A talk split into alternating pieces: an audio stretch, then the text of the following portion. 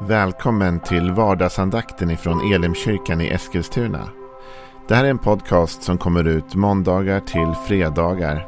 Om du vill veta mer om vilka vi är, vad vi tror på, hur du kan komma i kontakt med oss eller vad vi kan erbjuda dig för någonting så gå in på www.elimkyrkan.com. Får jättegärna gå in och likea vår Facebook-sida. Det är facebook.com elimeskilstuna. Eller så söker du upp oss på YouTube och då söker du på Elimkyrkan Eskilstuna. Vi vill jättegärna komma i kontakt med dig. Men nu lyssnar vi till dagens andakt. Då är det onsdag och dags för vardagsandakten igen. Vi håller på den här veckan och talar om rädsla och fruktan utifrån Getsemane, den plats där Jesus brottas med sin kallelse och sin uppgift. Och vi funderar kring hur ser Jesus, hur hanterar han praktiskt sin rädsla. Vi talade igår om att ha vänner nära sig, att Jesus har med sig folk dit och att han pratar med dem. Han delar sina känslor, han delar sitt inre liv med dem. Han vågar vara så pass öppen. Idag så vill jag få fokusera på ett annat samtal som också sker i ett semane. Men innan det så läser vi hela texten. Och jag tror att du och jag kan få ut någonting faktiskt av detta idag. Hur vi kan hantera våra rädslor. Så här står det i Markus 14 och vers 32. De kom till en plats som kallas Getsemane. Och Jesus sa till sina lärjungar, sätt er här medan jag ber. Han tog med sig Petrus, Jakob och Johannes och han greps av bävan och ångest och sa till dem, min själ är djupt bedrövad ända till döds. Stanna här och vaka. Han gick lite längre fram och föll ner på marken och bad om möjligt att bli, få bli förskonad från denna stund. Han sa, Abba, far, allt är möjligt för dig. Ta den här bägaren ifrån mig, men inte som jag vill, utan som du vill. När Jesus kom tillbaka fann han att de sov. Då sa han till Petrus, Simon, sover du? Kunde du inte vaka en enda timme? Vaka och be att ni inte kommer i frestelse. Anden är villig, men köttet är svagt. Han gick bort igen och bad med samma ord. När han kom tillbaka fann han återigen att de sov. Deras ögon var tunga av sömn. Och de visste inte vad de skulle svara honom. Sedan kom han tillbaka för tredje gången och sa till dem. Sover ni än och vilar er? Det räcker. Stunden har kommit. Nu överlämnas Människosonen i syndarnas händer. Res på er. Nu går vi. Han som förråder mig är här. Jesus han har uttryckt sina känslor till sina lärjungar. Både om hur djupt hans själ är bedrövad ända till döds. Han har också talat med dem om att hans kött är, är eh, liksom motvilligt. Va? Anden är villig men köttet är svagt. Han har talat om den inre kampen med dem. Men det viktigaste samtalet som sker i den här trädgården. Det är såklart ändå det som sker mellan Jesus och Gud. Det är också därför Jesus har sökt sig till den här platsen. För att få öppna upp emot himmelen. Vi har redan sagt den här veckan att Getsemane det betyder oljepress. Och det är just i den pressen här som bönen behöver få sippra ut till Gud. Så Jesus han lämnar lärjungarna ensamma en stund. Han har med sig dem dit. Och han har med sig Petrus. Han talar tydligt med Petrus, Jakob och Johannes. Men sen står det att han gick lite längre fram och föll ner på marken och bad. Så han avskiljer sig ändå lite grann från sina lärjungar för att ha ett privat samtal med Gud. De är nära och han går ju till dem hela tiden och pratar med dem. Men ändå är han för en stund avskild för ett samtal med Gud. Och vad ber man då när man är stressad och trött och har ångest och till och med dödsångest? Jesus han säger ganska kort mening här. Abba, far, allt är möjligt för dig. Ta den här bägaren ifrån mig, men inte som jag vill, utan som du vill. Ofta i den här när vi citerar detta så är det just slutklämmen vi landar i. Att Jesus ber, men inte som jag vill, utan som du vill. Men när man läser den här bönen så ser man att Jesus säger flera saker här. Han säger inte bara det, det är slutsatsen som han kommer fram till. Men han säger olika saker i bönen till Gud som jag tror är nyttiga för dig och mig att uttrycka i tider av oro och ångest. Han börjar med att säga Abba, far. Och Abba, det är ju ett arameiskt ord för far. Som var liksom ett förtroligt tilltalsord. Abba, far. Jesus börjar med att proklamera relationen till Gud som den mellan en far och en son. Det är ett förtroligt samtal. Och Det här är ju någonting som jag gör ibland när jag blir stressad eller känner mig pressad av olika saker. Det är att jag ringer till mina föräldrar. Kan ringa min mamma, kan ringa min pappa och bara ventilera, prata med dem. Och på samma sätt när vi vänder oss till Gud i stressade, pressade situationer så är ju Gud förvisso konungars konung och herrarnas herre och han är Israels helige och han är alla de här upphöjda titlarna. Men i de här stunderna så är han ju framförallt vår far. Någon vi får komma till och verkligen öppna upp oss som vi skulle gjort med en god förälder. Jag vet att de flesta, eh, eller jag vet att det finns de som lyssnar som kanske inte har en god relation till sin mamma eller pappa. Men många har ändå det och många känner den här förtroligheten gentemot sina föräldrar. Att verkligen våga tala om saker med dem. Och den relationen måste du utveckla till Gud. Så Jesus, han kommer till Fadern i sin dödsångest.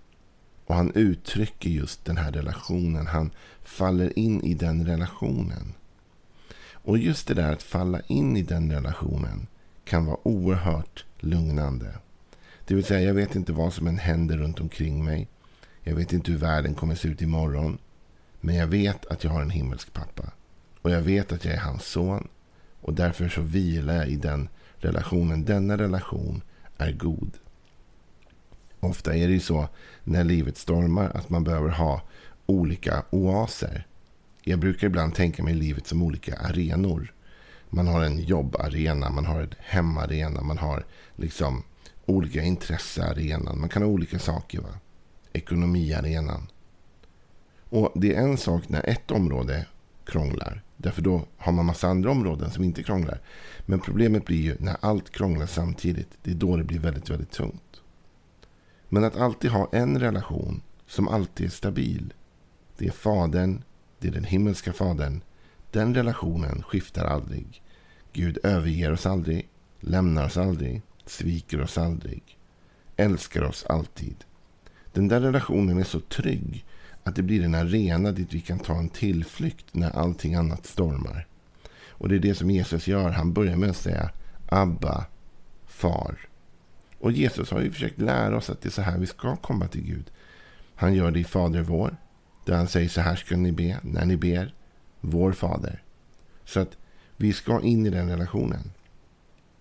Det andra Jesus gör i bönen. Det är faktiskt en proklamation. Det står så här. Abba far. Allt är möjligt för dig. Allt är möjligt för dig. Och du vet, det där är också en sanning vi behöver landa i när vi känner oro. Att för Gud är allting möjligt. Så det finns ett hopp. Det finns ett hopp i den proklamationen. Det finns en kraft där. Det finns någonting vi kan falla tillbaka på. Att vad som än händer så är allting möjligt för Gud. Det är de orden som Jesus använder när en pappa försöker få honom att hjälpa sin son som är sjuk. Och han säger liksom, hjälp honom om du kan. Och Jesus svarar, om jag kan. Allt är möjligt för den som tror. Och allt är möjligt för Gud. Vet du, du och jag, vi måste lita på att för Gud är allting möjligt. Och du kanske är orolig för världen idag. Då måste du tänka, men för Gud är allting möjligt. För Gud är det möjligt att hålla mig trygg. För Gud är det möjligt att avbryta det här kriget som vi inte rår på. För Gud är det möjligt Gud har makt. Han kan göra långt mer än vi kan bedja eller ens tänka. Och Jesus han börjar sin bön här. Det är en kort bön. Men han proklamerar relationen till sin far. Och han proklamerar Guds allmakt. Allt är möjligt för dig. Det tredje Jesus gör är att han tydligt uttrycker sin vilja. Ta den här bägaren ifrån mig. Så när Jesus kommer till Gud så säger han dels alltså du, du är min pappa. Allt är möjligt för dig. Men han uttrycker också tydligt sin vilja. Jag tror att det är väldigt viktigt för dig och mig att få göra det. Även om vår vilja inte är Guds vilja. Vet du, när Jesus säger detta, ta denna bägare ifrån mig, så är det inte Guds vilja för Jesu liv. Och någonstans tror jag att Jesus egentligen redan vet det. Men han behöver få ge uttryck till Gud för vad han känner. Och han säger till Gud, ta den här bägaren ifrån mig. Och jag tror du och jag, vi måste få komma in i en sån bön som är så rak och tydlig. För det finns också något väldigt befriande i att få tala ut detta till Gud. Att få säga som det verkligen är och som man verkligen känner. Där lättar mycket ångest och oro bara av att få sätta ord på saker. Det kan innebära att man säger Gud, jag är orolig för detta. Jag vill inte det här. Jag vill inte att det ska bli krig i Sverige. Jag vill inte att jag ska drabbas. Jag vill inte att det här ska hända. Jag vill inte att det här ska hända. Jag vill inte få covid. Allt detta uttryckte till Gud. Ja, men tänk om det inte är vad Gud vill. Jesus bad uttryckligen en bön här som var inte det Gud ville. Han säger, ta denna bägare ifrån mig. Fastän vi vet att det var Guds vilja att han skulle ta bägaren. Och jag tror Jesus visste det och ändå så var det så viktigt för honom att i den här ärliga relationen mellan honom och sin far. Hans far som dessutom har all makt. Så var det så viktigt för Jesus ändå att få säga vad han ville. Det här känner jag. Ta denna bägare ifrån mig. Sen säger Jesus någonting annat som jag tror vi underskattar ibland. Men inte som jag vill, utan som du vill. Vet du, den första delen av detta är otroligt viktig. Jesus säger, men inte som jag vill. Så Jesus har tydligt uttryckt vad han vill, eller hur? Ta den här bägaren ifrån mig. Men här visar han också att han har ett val. Men inte som jag vill. Jesus äger sitt eget val. Det är inte Gud som tvingar på honom en bägare som han inte vill ha. Utan han vet att jag vill inte ha den här bägaren och jag har sagt det till Gud. Men jag avsäger mig mitt eget val här. Men jag har valet att göra. Om jag vill säga nej, då är det nej.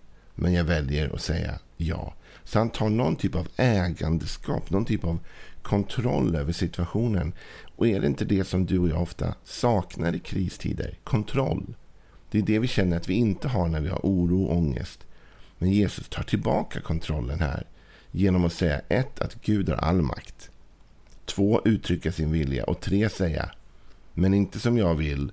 Och där genom att han säger så så visar han att han har en egen vilja. Han har rätt att påverka vissa saker. Han äger faktiskt en viss påtryckning här, en viss eh, möjlighet att påverka. Men han avsäger sig den. Men han kunde också ha tagit den. Vi vet att Jesus lite senare i Getsemane när hans lärjungar börjar göra motstånd mot arresteringen så säger Jesus, tror ni inte att om jag ville skulle jag, och om jag bad min far skulle han genast sända tolv legioner änglar till min hjälp. Vad innebär det? Det innebär att Jesus visste att han hade kontroll. Han kunde avbryta detta när han ville. Och det, att känna att man har lite kontroll, det tar bort lite ångest. Så Jesus säger, men inte som jag vill. Och sen så lägger han då till detta som ofta är det vi fokuserar mest på. Utan som du vill. Med andra ord, Gud har också en vilja. Och Guds vilja, det är hans egen vilja. Jag måste inte kontrollera allt. Jag måste inte styra allt. För Gud har en egen vilja. Och jag kan falla in i hans vilja. Och när man faller in i hans vilja, då vilar man också. Därför helt plötsligt är det inte jag som måste ha lösningen. Det är inte jag som måste veta. Det är inte jag som måste fatta det här svåra beslutet som ger mig ångest. Utan jag låter Gud fatta det beslutet. För han har en egen vilja. Och jag överlåter min vilja till hans. Och när jag gör det så lättar lite grann min ångest. Man säger Gud, du får bestämma. Du vet vad som är min vilja. Men jag litar på ditt omdöme. Och du har en egen vilja. Så jag tror att när vi kommer till Gud nu för att lugna oss lite i tider av oro och ångest så ska vi göra några saker i vår bön. Du kan skriva ner dem som en lista. Det kan vara smidigt. 1. Sätt relationen på plats. Med andra ord, kom till Gud som din far. och vila i den relationen. Att vad som än händer så är det här en trygg relation som aldrig kommer förändras av någonting av det som händer bredvid dig. Alltså proklamera att Gud har all makt. Det är viktigt att få sätta ord på det. Att få tala ut det. Gud kan allt. Han har all makt. Uttryck tydligt din egen vilja. Säg vad du vill, även om du tror att det inte är vad Gud vill. Sätt ord på det du känner. Sätt ord på det du vill. Tala ut det så kommer lite ångest och oro lätta genom att du sätter ord på det. Äg det faktum att du har möjlighet att påverka. Men inte som jag vill. Alltså du har möjlighet. Du har en egen vilja. Och du kan fatta egna beslut. Och det ger dig lite ro också. Du behöver inte vara tvingad in i något av någon annan. För du har en egen vilja. Men du kan också förstå att Gud då till sist har en egen vilja. Och Guds vilja är egentligen den bästa viljan. Och när vi faller in i den vilan, viljan, då kan vi vila från våra egna försök att lösa allting och istället lita på att Gud har kontroll. Det var några tankar den här onsdagen. Ha en välsignad dag. Imorgon fortsätter vi igen med lite mer tankar från Getsemane.